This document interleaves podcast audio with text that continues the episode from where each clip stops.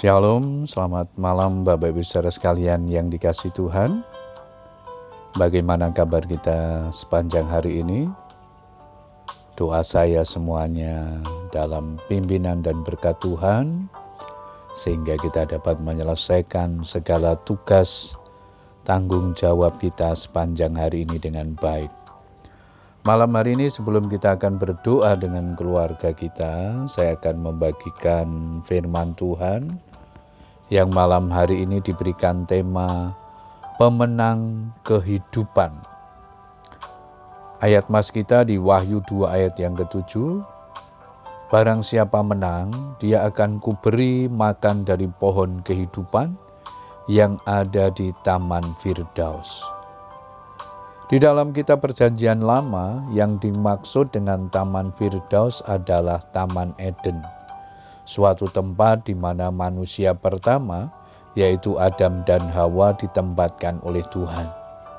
Di tengah-tengah Taman Eden ini ada suatu pohon yang disebut pohon kehidupan, dan Tuhan melarang manusia untuk makan buah pohon tersebut.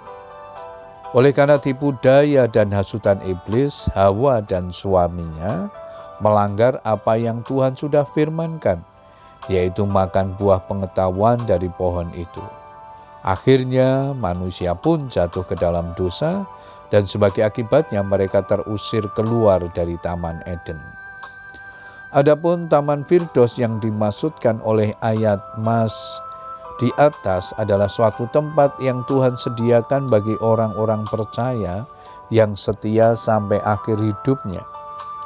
Di Taman Firdos atau surga ini tidak ada lagi tangis dan duka cita.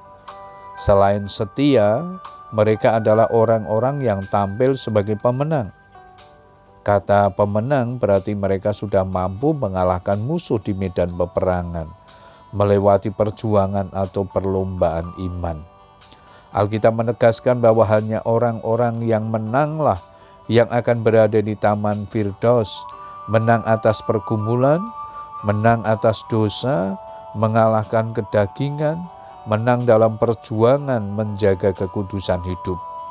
Tetapi mereka yang tidak setia kepada Tuhan, mereka yang gagal dalam perlombaan iman, mereka yang gagal mengalahkan keinginan dosa, atau hidup menuruti hawa nafsu dan keinginan daging tidak berhak untuk menikmati taman Firdaus yang Tuhan anugerahkan. Yang pasti, untuk bisa memasuki taman Firdaus dan menikmati pohon kehidupan, Tuhan ada harga yang harus dibayar.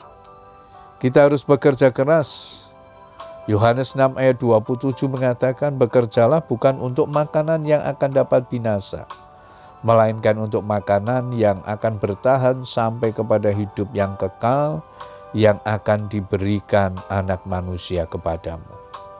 Dan hidup meneladani Kristus. 1 Yohanes 2 ayat yang ke-6, barang siapa mengatakan bahwa ia ada di dalam dia, ia wajib hidup sama seperti Kristus telah hidup. Hidup meneladani Kristus berarti hidup dalam kekudusan. Hendaklah kamu menjadi kudus seperti Dia yang kudus. Kuduslah kamu, sebab Aku kudus. Bapak Ibu Saudara sekalian yang dikasih Tuhan, Taman Firdaus disediakan untuk orang-orang yang hidup berkenan kepada Tuhan. Disediakan bagi orang-orang yang telah menang atas segala pergumulan kehidupan selama di dunia ini.